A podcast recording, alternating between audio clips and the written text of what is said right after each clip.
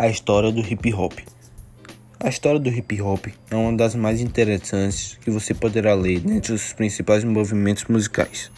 Isso acontece porque seu palco principal é a América.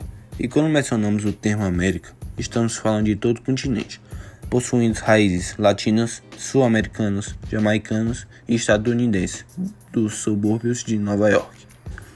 Tornou-se um sucesso mundial possui uma subcultura própria, ou seja, um conjunto de particularidades culturais próprias que se distanciam do modo de vida comum, mas sem se desprender totalmente da sociedade. Uma espécie de crítica ao sistema surgiu por volta da década de 1970, nos locais que citamos, sob forte influência dos subúrbios e locais mais carentes das cidades.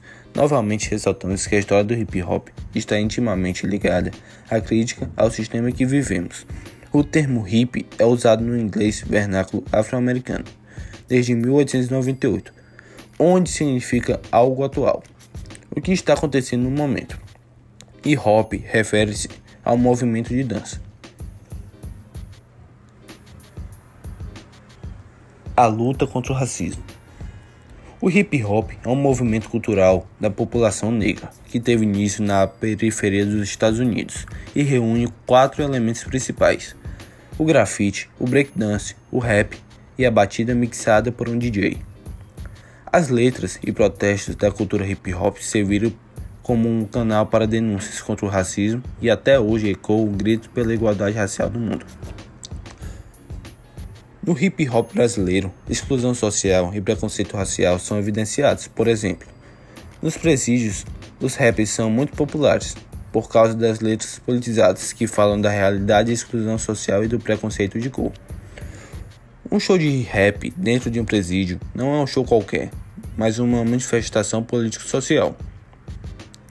Foi isso que aconteceu em uma visita do famoso rapper Mano Brown, do Racionais MC, em junho de 2003, na FEBEM do Braz, em São Paulo, mostrando a força do hip hop como movimento de emancipação social. Os detentos sabiam todas as letras e se identificaram com as músicas do rap.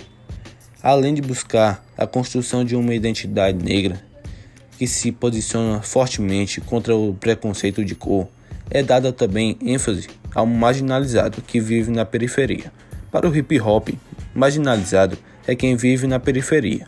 O que une é a desigualdade social e a maioria é negra, explica Magro. Tanto os brancos quanto os negros têm sua autoestima melhorada dentre os movimentos que se identificam através da exclusão social. Artistas do hip hop brasileiro. Na cultura do hip hop existem diversos artistas, tais como Djonga, Black, Racionais, César MC, Orochi, MC Cabelinho, MV Bill, Camila, Choice, DK47 e vários outros. Em suas músicas, eles buscam lutar contra o racismo, o preconceito e a discriminação. O rap Jonga é um dos principais percussores do movimento hip hop no Brasil, onde retrata em suas músicas as dificuldades encontradas por pessoas negras e periféricas. Em uma parte da música Luto, feita por Black e Jonga, fala. preto com joia combina, preto com grana combina, racista combina. Aí de você se tu disser que não, preto no topo combina, preto com joia combina, preto com grana combina, vale racista combina. Aí de você se tu disser que não.